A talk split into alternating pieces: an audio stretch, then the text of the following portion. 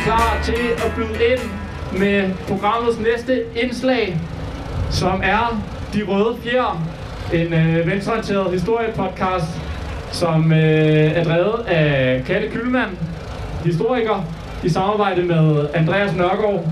Jeg kan varmt anbefale, hvis man ikke allerede har lyttet til De Røde Fjer, at gå ind og finde den på øh, en Spotify, iTunes, eller hvor end man nu lytter til sin podcast, og høre nogle af de virkelig fede serier, som vi har.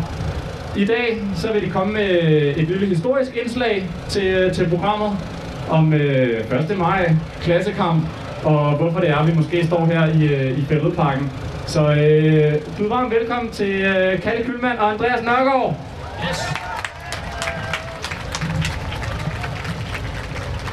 Goddag alle sammen. Vi er som sagt i Røde Fjer. Jeg hedder Andreas Nørgaard. Ved siden af mig står Kalle Kylmand. Hej hej alle sammen.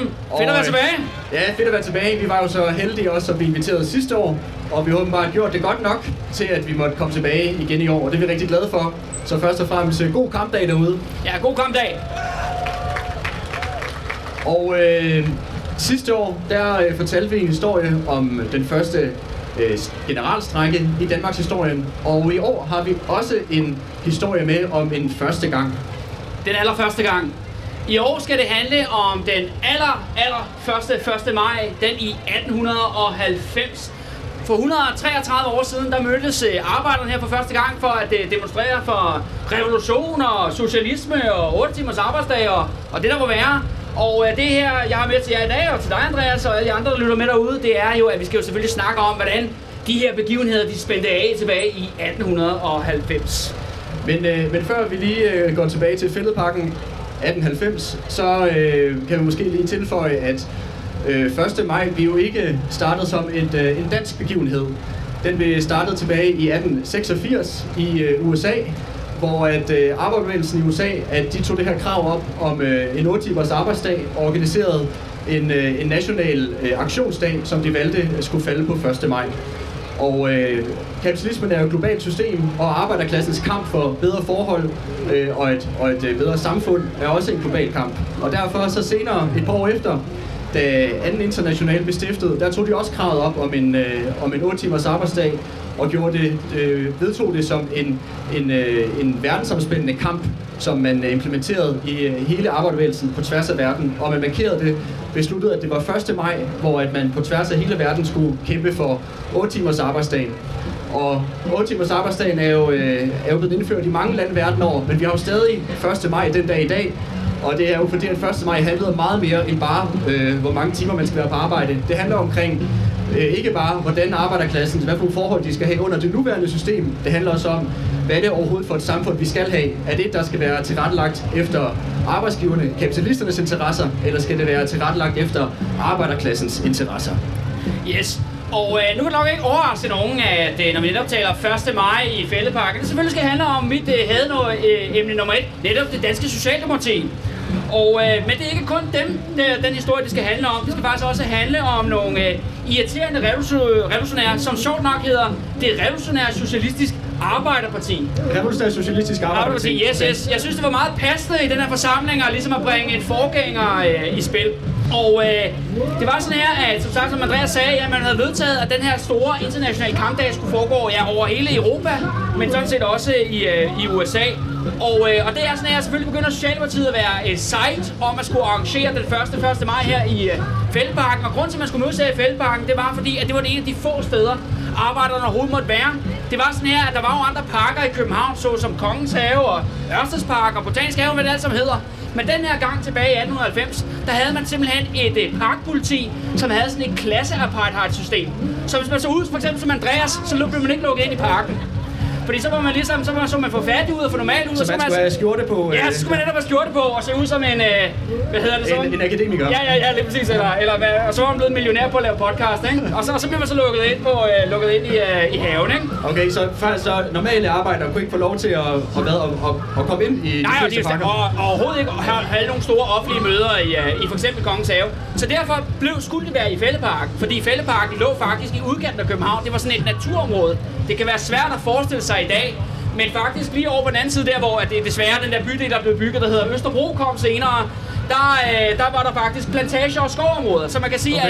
at, at fælden ligesom gik direkte ud i den fri natur i de Ja. gode gamle dage. Og det er derfor, at ligesom de der, øh, hvad hedder det, apartheid og øh, regler, de der parkbetjente, de var jo sjovt nok ikke her. Så derfor skulle de jo selvfølgelig mødes i fældeparken. Så det var egentlig meget praktiske årsager, at Ja. det valgte at, blive, at det egentlig mente at blive Fælledparken, hvor man, øh, hvor man mødtes og, Ja. og, og markerede det her krav med 8 timers arbejdsdag. Lige præcis. Og øh, selvfølgelig er der mange socialdemokraterne, den socialdemokratiske hovedbestyrelse, de er selvfølgelig super sejt om at skulle holde det her første møde. De har bare lige et problem. De skal lige af med de der revolutionære først. Men Altså, hvem hvem er de her revolutionære socialistiske arbejderparti? Ja, ja, hvem er det? Jamen det er, vi er vores tre helte til dagens episode. Det er en fyr, der hedder Gerson Trier. Så øh, han var personlig venner med Frederik Engels og Karl Marx. Det ved jeg, det er populært at sige på scenen og citere dem. Jeg har ikke tænkt mig at gøre, men jeg vil bare sige, at jeg kender en af deres venner. Eller en, der var ven med dem, ikke? Eller venner i hvert fald. Og så var det en fyr, der hed Nikolaj Petersen. Og så var det til sidst øh, det faktisk den første kvinde, der sad i Socialdemokratiets hovedbestyrelse, nemlig Signe Andersen. Okay, og det er de her tre er ligesom øh, drivkraften i det her parti? Ja, ja. Men faktisk, de starter jo som den her sådan, venstrefløj ind i Socialdemokratiet. Og, øh, og de, øh, Man de skal måske lige skyde ind, Ja. at Socialdemokratiet på det her tidspunkt så jo noget anderledes ud, end det Socialdemokrati, vi kender Ja, i dag. trods alt, trods alt. ja. Ja, ja. At, øh, at vi har jo i, øh, i 1889, der bliver anden internationale jo dannet som en, øh, ja, som en, øh, en øh, efterløber til, øh, til første internationale. Og den her anden internationale er også blevet kendt som den socialdemokratiske internationale, fordi det er jo en, en sammenslutning af socialdemokratiske partier på tværs af hele verden. Og det var en gang, hvor at Socialdemokratiet at de snakkede om socialisme og revolution. I hvert fald i ord, når det kom til stykket, var, var det ikke altid, der var så meget handling bag det. Men i hvert fald... Øh, Der var rigtig mange lækre ord, Men i hvert fald, hvis man øh, åbnede deres partiprogram, så var det marxisme, og det var socialisme, og det var revolution. Det var det, der stod øh, på dagsordenen. Men altså de her tre folk her, som sagt, ikke? Altså, altså henholdsvis øh, Gerson, Nikolaj og Signe, de er pisseirriterende i det socialdemokratiske hovedbestyrelse. Vi bliver ved med at snakke om revolution og socialisme, og de andre top socialdemokrater tænker, ved du hvad, de skal ud af vagten. Så de holder sådan et øh, stort, øh, ja, sådan et hovedbestyrelsesmøde, hvor de skal studere dem. Problemet er bare, at Signe Andersen sidder jo i hovedbestyrelsen, så det bliver et rigtig langt møde. Det bliver et vanvittigt langt møde. Det bliver som, som klokken 2 om natten, før de er færdige. Og der er det sådan her, at øh, Højre Socialdemokratiet, Socialdemokraterne, altså reformisterne, de har sådan set egentlig et flertal. Men da de skal til at stemme, så opstår der det problem er, at de har siddet i det lokale i så lang tid og røget så mange cigarer og piber, at der ikke kan, man kan ikke se, hvad folk har stemt. Okay. Så de, de, de rækker hånden op, og så er det bare, der er røgskyer over det hele og sådan noget. Og så er der en, der siger, ej, ej, ej, kan vi ikke, kan vi ikke lige åbne et vindue? Øh, men så siger jeg, du må ikke åbne et vindue, fordi så falder vinduet ud af bygningen. Så, så det ender med, at de bliver nødt til at øh, simpelthen gå ned på gaden. For at stemme. Og, og, og, og, holde afstemning kl. 2 om natten, og det er faktisk inde i Rømersgade, der hvor Arbejdermuseet ligger i dag. Så det er på det der lille stykke gade ude foran, der det foregår, ikke? Okay, er det den samme bygning, som arbejder Ja, ja, ja, det er den her side, har det møder her, og kampryger. Okay. Og det meget grineren er, at grunden til, at vi ved det her, altså den her meget sådan specifikke røghistorie, det er fordi, at gode gamle Henrik Kavling, a.k.a. Løgn Henrik, er på pletten. Ja, ham der journalist. Ja, for politikken, ikke? Og det er jo meget sjovt med Løgn Henrik der, fordi at, øh, han er jo i dag ham, der har lagt navn til den største journalistpris i Danmark, netop Kavlingprisen. Men manden var jo den sygeste løsløgner, og han var jo også i lommen på ØK og sådan noget. Men det kan man høre om på de røde fjer, hvis man har lyst til at dykke ned i det. Det er bare meget sjovt, at han har en cameo her. Fordi han ligesom dukker op, og, og ligesom, han står faktisk, han ved, der ligesom er rav i Socialdemokratiet. Så han står nede på gaden og venter, og så, så kan han jo ikke tro, er et held. Da de alle sammen kommer væltende ud, og de børster røgen af sig, ikke? og de kommer væltende ud på Og står gaden. og stemmer lige foran Ja, ja, og det er rigtig akavet, fordi selvfølgelig så er der jo nogen, der, er nogen, der skal gå nu, ikke? Fordi der er nogen, der er blevet stemt ud. Det fede er, at uh, Henrik Kavlings analyse af, hvorfor er det her de her revolutionære ryge ud i Socialdemokratiet, det er jo ikke noget med politik at gøre overhovedet. Det er ikke noget, fordi jamen, de var uenige eller sådan noget. Nej, nej, hans øh, tese er, og det er også det, han skriver i politikken dagen efter. Der skriver han, jamen, det er fordi, at uh, Signe Andersen, hun var sgu ikke lækker nok. Okay, det er hans Ja, analyse. det er, det er hans, øh, og ved du hvad, jamen, så er der jo ikke nogen, der hopper med på revolutionen, ikke? Når den eneste dame, hun ikke var lækker nok. Og så ud med dem. Okay, så øh, han var en utrolig skarp politisk kommentator, må man sige. Ja, ja, men det sjove er faktisk, at udover selvfølgelig, de diskuterede og var uenige om det her med ja, socialisme og revolution osv., osv., det var faktisk en af de hovedting, de var uenige om faktisk her i 1890, det var, at øh, de her tre, øh, altså Gerson, Sine og Nikolaj, de var uenige om, at øh, de synes ikke, at Socialdemokratiet skulle gå i valgsamarbejde med Venstre. Og det har været på tale. Ja, ja, ja, det var simpelthen været på tale. Og at nu, det er- simpelthen- nu er vi så fuld cirkel med Ja, nu er vi så fuld cirkel, ikke? Og det, er det, men de sammen. synes, det var en rigtig dårlig idé, at Socialdemokratiet gik sammen med Venstre i en ny en regeringsdannelse. Det synes jeg var en rigtig dårlig idé. Og det er derfor, de blev også i sidste ende blev smidt ud, ikke? Okay, men jeg vil sige her, når vi er her i sidste halvdel af 1800-tallet, så øh, den politiske situation er også noget anderledes end det, vi kender fra i dag. Altså, du har jo, Danmark er jo mere eller mindre et, et diktatur på det her tidspunkt, hvor vi har ham, øh, ham der hedder, øh, øh, hvad nu han hedder? Jakob Estrup. Jakob Vestrup lige præcis fra partiet Højre, som jo er forløberen til det, det konservative folkeparti, hvor han jo sådan set øh, styrte landet mere eller mindre som diktator i samarbejde med kongen på daværende tidspunkt. Ja. Og, det, og denne situation blev først egentlig brudt i starten af 1900-tallet. Yes. Og øh, nå, men så ligesom er de her, vores tre helte her, de er jo så brudt ud og lavet det øh, socialistiske revolutionære arbejderparti, og så er der selvfølgelig Socialdemokratiet. Og de begge to partier, hvis vi så hopper frem til ja, 1. maj 1890, at de begge to planlægger, selvfølgelig skal de markere arbejdernes den første internationale kampdag nogensinde, ikke bare i Danmarks historie, I men hele faktisk verden. ja, i og der er det verden. USA, hvor de har holdt det et par år før. Men Ja, ja, ja, ja. Det, det er den første gang, det er en international kampdag. Ja. Og, øh, og det er sådan her, at øh, hvis vi lige øh, lader vores øh, revolutionære lige ligge, øh, lige ligge et øjeblik, og så fokusere på, hvad der sker med det store Socialdemokrati. For det, de gør, er jo, at de selvfølgelig ansøger myndighederne om at have lov til at mødes her i Fældeparken. De sender en ansøgning den 10. marts 1890, men de får først svar den 28. april. Okay. Ja, fordi politiet de trækker, de trækker og trækker tiden og sådan noget. Og de siger, okay, okay, I må godt holde møde her, men vi har lige nogle betingelser. Og hvad er det for nogle betingelser? Og betingelserne er, at for det første, der var ingen demonstrationer. Der må ikke være nogen demonstrationer i hele byen. Arbejderne skal bare mødes fredeligt. Og for det andet er meget, meget vigtigt, der må ikke være nogen faner i gaderne. Altså nogen røde faner. Ja. For det er sådan her, at borgerskabet på det her tidspunkt, de tror jo, at hvis man ser en rød fane, så får man jo lyst til at dræbe nogen. Hvad er det, de kalder det? Kalder det Ja, de kan, blodfanen, ja, de kalder det altså? blodfanen, ikke? Man ser den røde farve, og så, så, så koger Ja, ens blod, folk er jo som tyre, når man ser farven rød, så... åh. Ja, og så bliver man, bare, så bliver man voldelig, ikke? Ja. Og derfor ingen faner, ingen demonstrationer, og arbejderne skal bare mødes fredeligt i fældeparken. Så det Socialdemokratiet ender op med Så at det, gøre... det, er en rimelig, det, det er nogle rimelig hårde betingelser i forhold til at virkelig nedtone det politiske Ja, ja, indhold, det er jo og, gør de- det, og de- gør det så de jo- ubemærket, som det nærmest skal være. Fuldstændig. De tager jo faktisk egentlig brødrene ud af det der med at lave det til... Det er ikke en demonstrationsdag. Ja. Ja. Altså, det er en mødes på græsplænen dag. Ja, altså, det er det, det, det er en picnic, ikke? Det er det, de har lagt op til, og det er det, myndighederne siger til Socialdemokratiet, de skal gøre. Og det gør de selvfølgelig, fordi de er nogle pæne socialdemokrater. Øh, og det skal siges, at så folk de mødes helt stille og roligt fredeligt, øh, ja, i kanten af Fældeparken, marcherer ind, der er bygget en scene her på midten, og så har de her store møde, der kommer omkring 50.000. 50.000? Ja, 50.000 Okay. til det her arrangement, Det er ikke? alligevel rimelig flot. Det, det, Det er, det meget, første meget, gang. det er meget flot for det Også første. København har haft meget yngre befolkning på det tidspunkt. Ja, ja, ja, 100%. Jamen, så det, det er godt fremmøde. Ja. Ingen tvivl om det. Men som sagt, det er lidt en tam forestilling.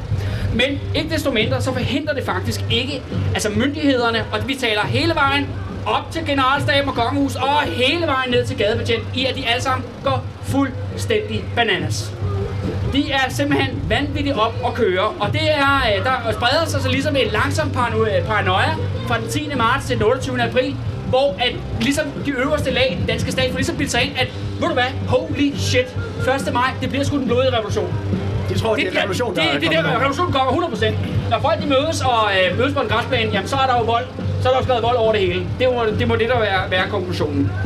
Og ved du hvad, Andreas, jeg skal lige love for dig forberedt. Det er faktisk ret sjovt er, at man kan se, at deres korrespondence er bevaret i Rigsarkivet den dag i dag. Altså blandt uh, toppen. Ja, altså for, ja, for Christian den 9. til politidirektøren, til generalstaben, og alle sammen har sendt vanvittigt mange breve og korrespondencer mellem hinanden.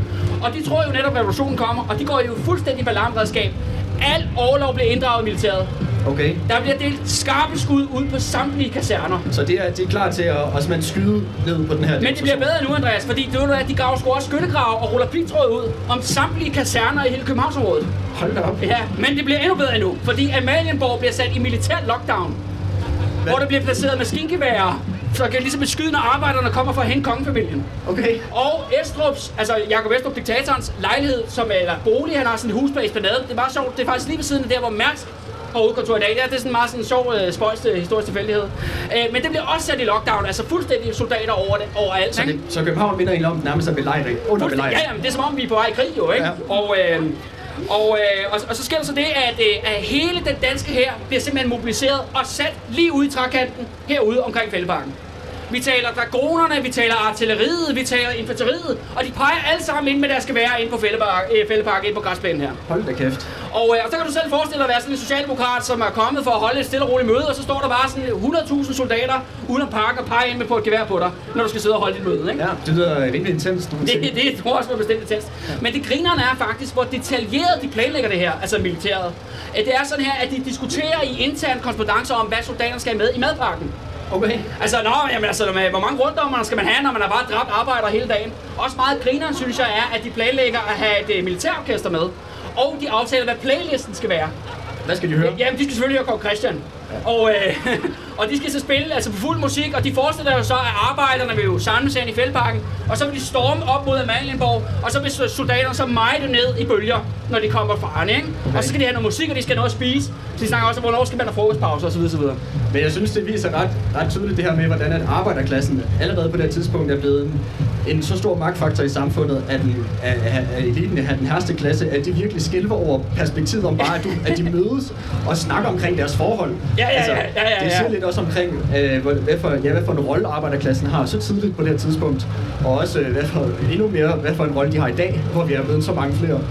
Og, øh, og, det, og, det, og det fede er faktisk også, at der bliver også sendt en besked ud fra generalstaben om, at at hvis der er nogen arbejder, der strækker den her dag, eller tager tidlig fri for netop at gå i fældeparken, så skal de fyres øjeblikkeligt. Okay. Altså, der, det bliver simpelthen sendt ud til alle større, alle større arbejdsgiver i hele Københavnsområdet. Men ret sjovt er det, at der er kun ét sted, altså en arbejdsplads, hvor det får konsekvenser, hvor faktisk 23 arbejder mister deres job. Alle andre, der strækker eller går tidligt 1. maj 1890, de har ingen konsekvenser. Man kan jo gætte, hvad for en arbejdsplads det er, Andreas?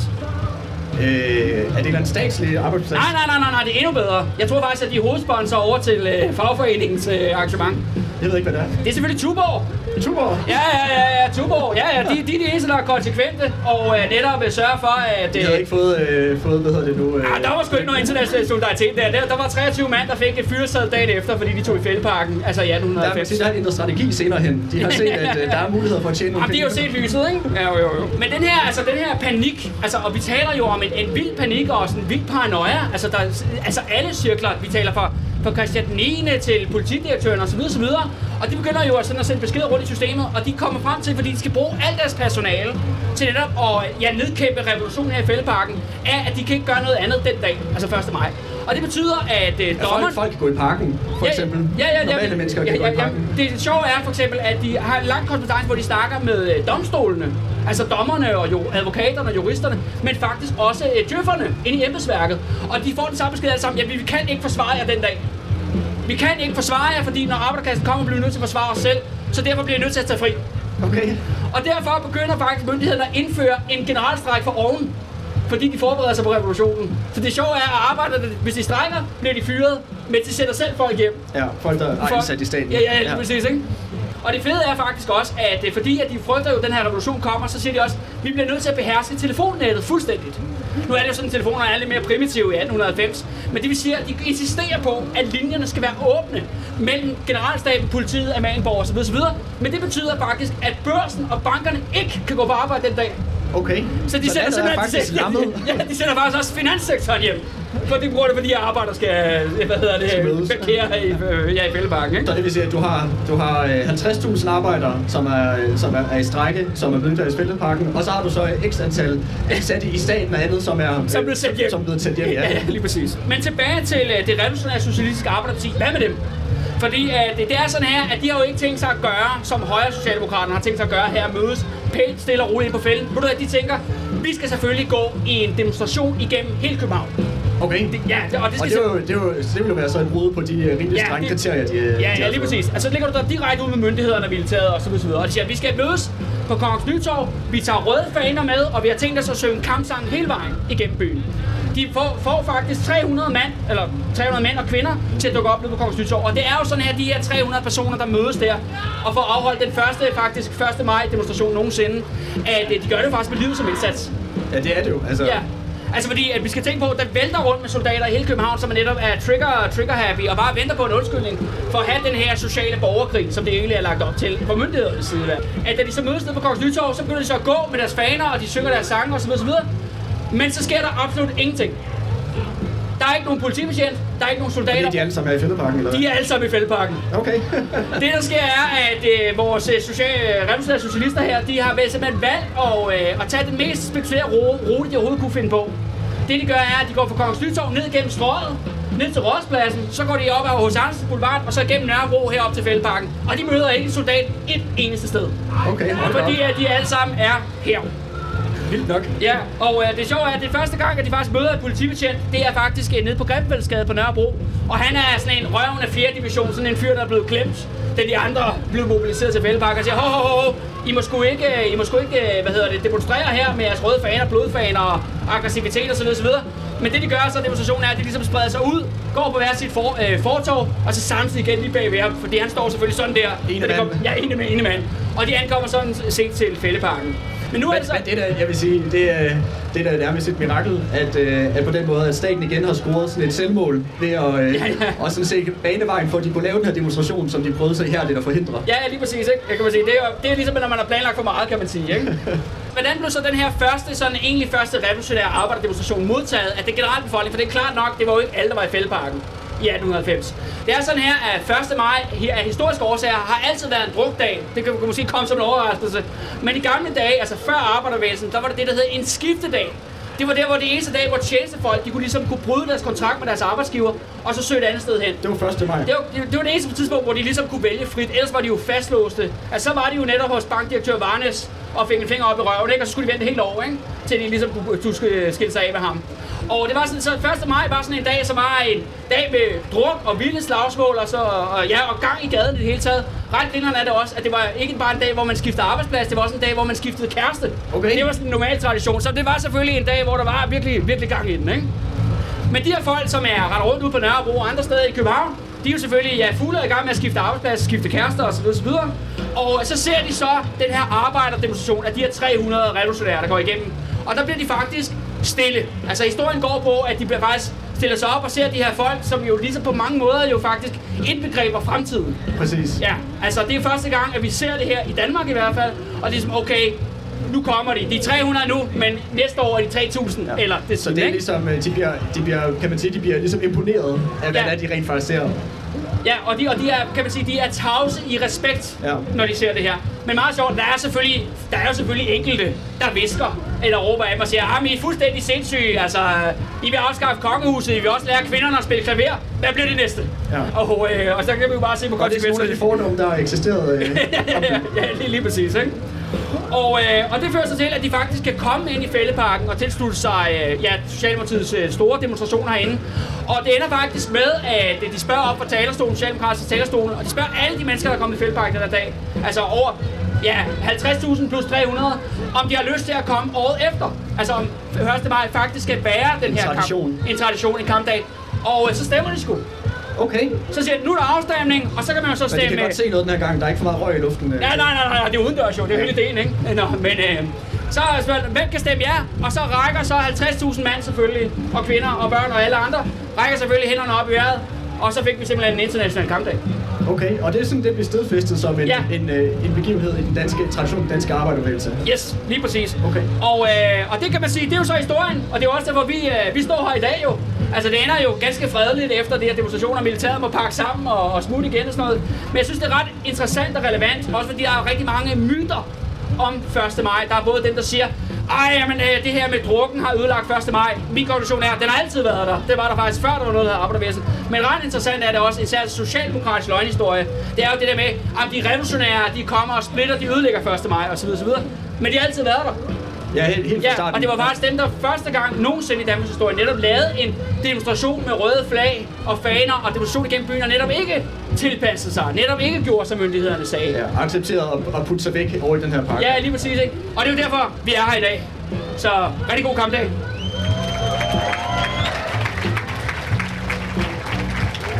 Tusind tak for historien, Kalle. Det var rigtig spændende. Og jeg vil sige, at hvis der er nogle mennesker her, som øh, synes det her med klassekamp og socialisme og revolution, det er, det er spændende, så er jeg sikker på, at der er nogen fra øh, revolutionære socialister, som der holder det her arrangement, som øh, godt kunne tænke sig at fortælle mere, både omkring, hvad, hvad revolutionære socialister står for, og hvordan man kan blive øh, engageret i kampen for en, øh, for en bedre fremtid, og færdiggøre det projekt, som øh, 1. maj lige præcis startede ud som kampen for et andet samfund. Tusind tak øh, for i dag. Det var en fornøjelse.